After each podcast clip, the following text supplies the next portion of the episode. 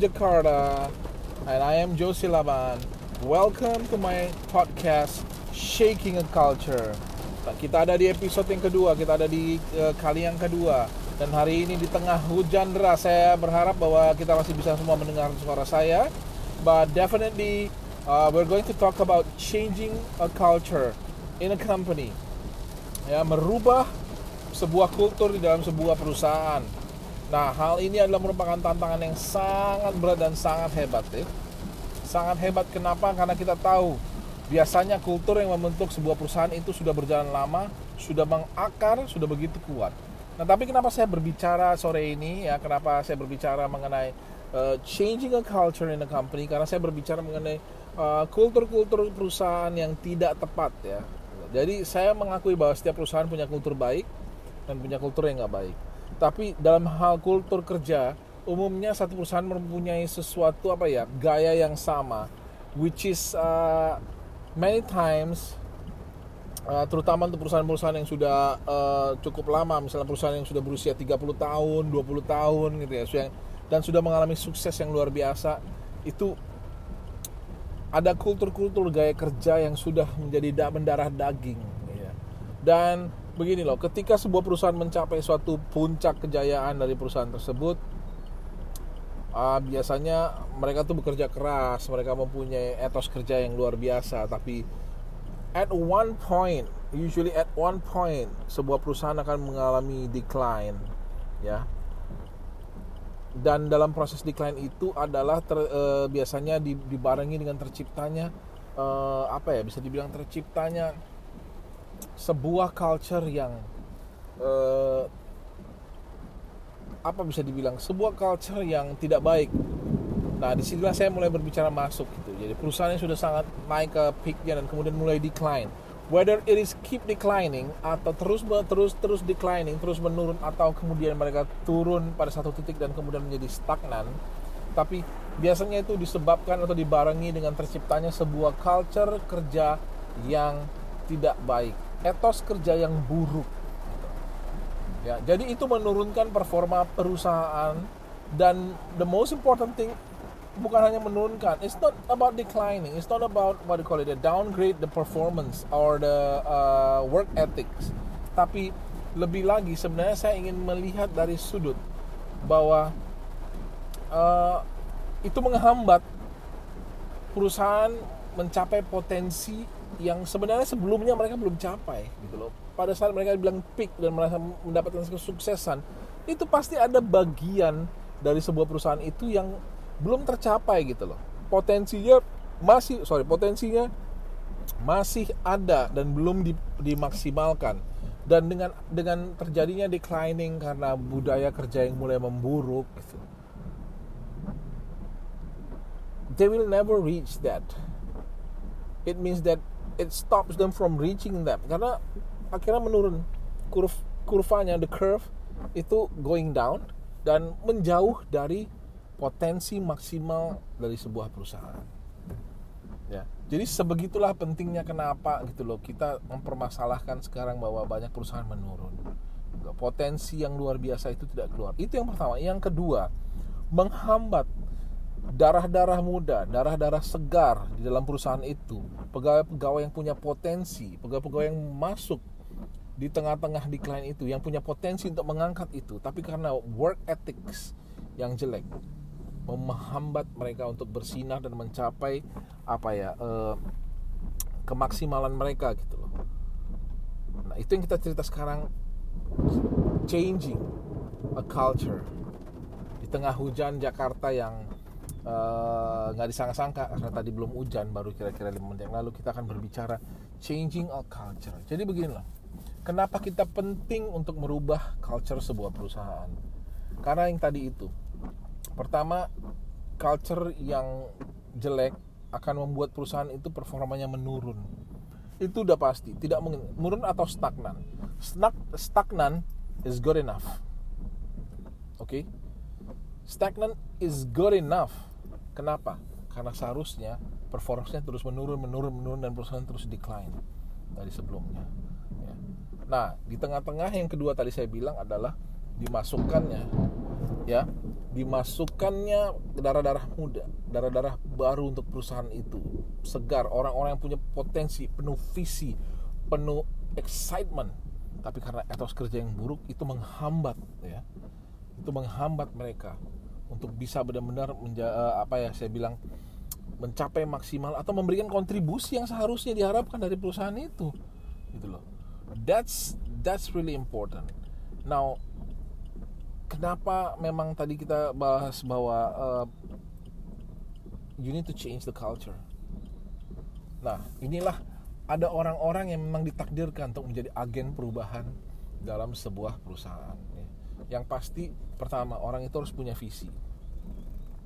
Kedua orang itu harus punya passion untuk apa yang dia lakukan.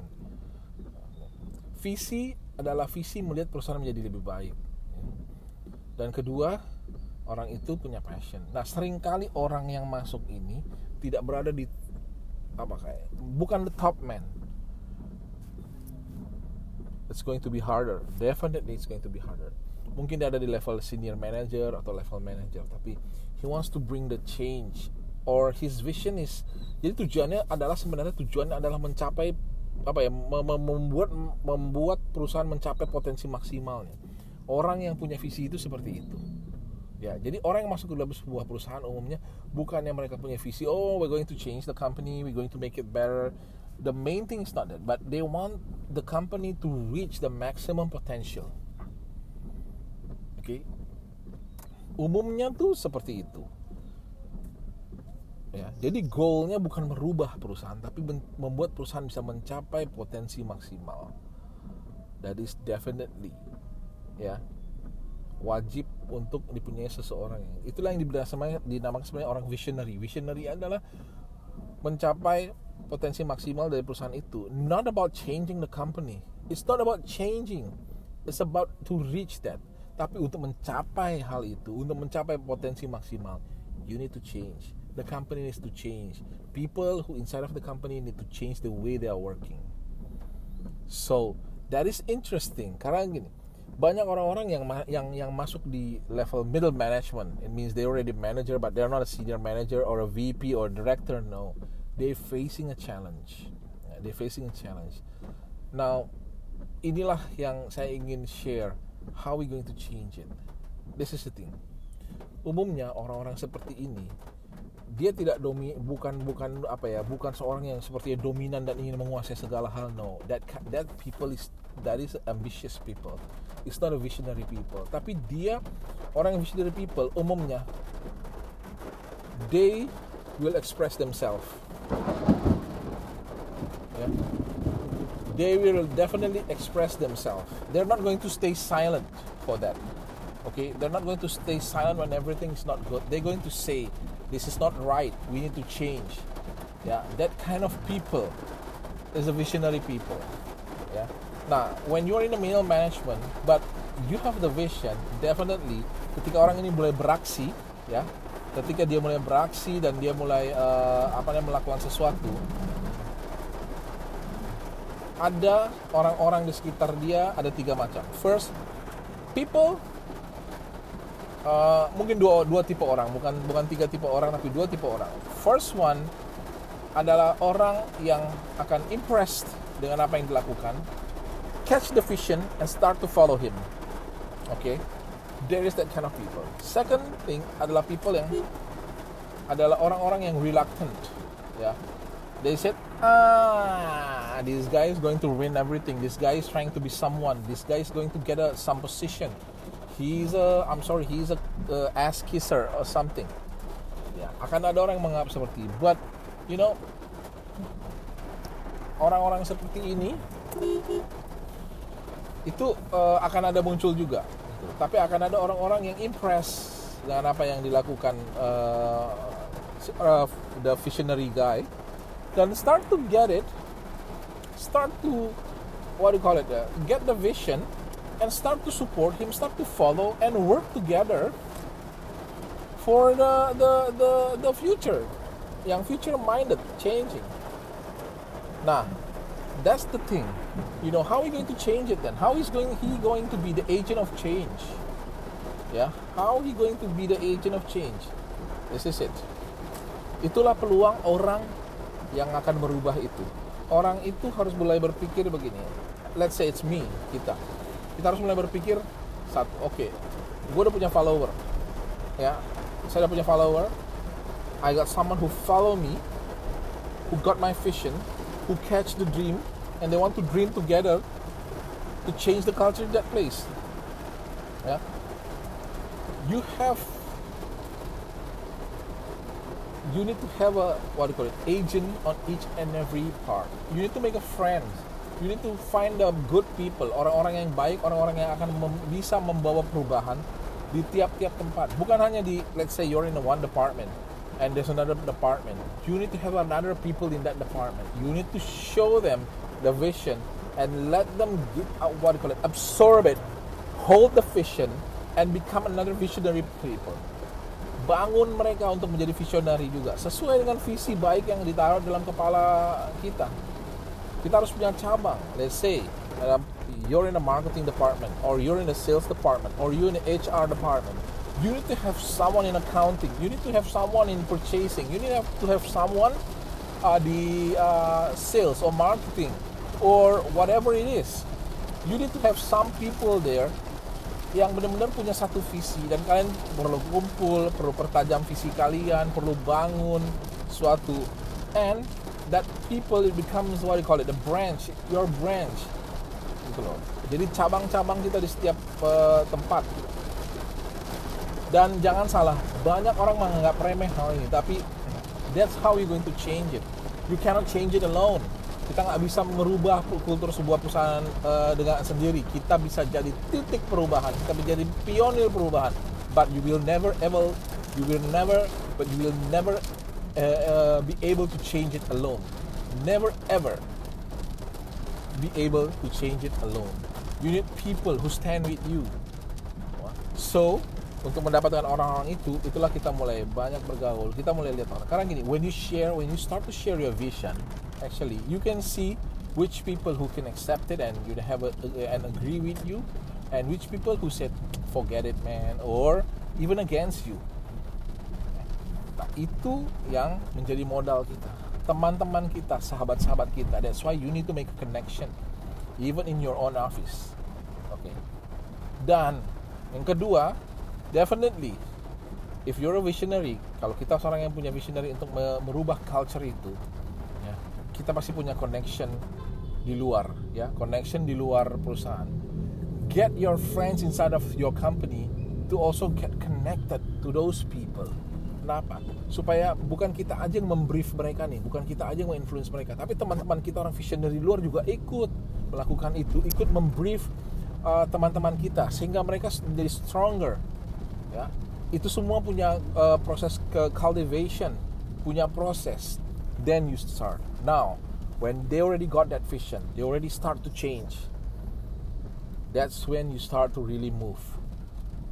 Yeah. move.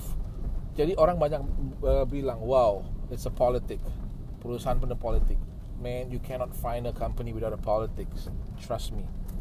But you have to be able to handle that. You have to be able to uh, use that politics as a tools to change the culture so it's two kind of politics, the bad politics and the good politics. This one is a good politics. You need to be able, you need to be smart enough because you're a visionary guy. You're the one who leads the movement. Jadi itu yang kita harus lakukan. You know. Overall, it's easy to talk. It's not easy to do it. But kita harus uh, uh, ingat ya. We have to be. We have to remember. Okay, it means that. Uh, when it comes like that, you need a team. You need a guy who stands with you, with the same vision, with the same attitude, solid uh, uh, team to change it. And the second, you need to be able, you need to be smart enough, you need to be able to see, to map all those things. Okay, karena untuk hal, seperti itu biasa dalam sebuah sebuah uh, proses merubah kebudayaan atau changing a culture in a company? Udah pasti. No debat no nonsense. Ada orang-orang yang memang harus tersingkir dalam arti begini. If the change the movement is already strong enough there's people who cannot what they call it stand it. They will scream they will shout they will react and in the end they will give up because you're stronger. You have to be strong. So in the end my friend uh, ya people will say this is about politics in a company in the corporate politics. No it's not, it's not about that. It's about changing the culture. It's about how you're going to be an agent. And you need to have those. You need to have a network inside. You have to build. You have to build your network interdepartmental because one department is not going to change everything. Trust me. Okay even you will find a people inside of your department who will reject the change because of what? They're in their comfort zone or they're too skeptical. Nggak bisa lagi dirubah. Apalagi kadang-kala mereka sudah lama bekerja dan mereka pikir oh this is nice already. Why should we change? But they they didn't realize that the company is declining okay so everyone thank you for today. You know it's nice to work uh, to to talk to uh, all of you to share about these things. And dan satu hal yang kita tetap harus pegang dalam hidup ini adalah things are going better and you're an agent of change okay? The next episode we're going to talk about corporate politics. Yeah it's very interesting also deep but we're going to talk about corporate politics di mana bagaimana sebuah perpolitikan dalam sebuah perusahaan. But for now I'm going to say to you good evening uh, from rainy Jakarta. You know have a good day have a good rest and until next time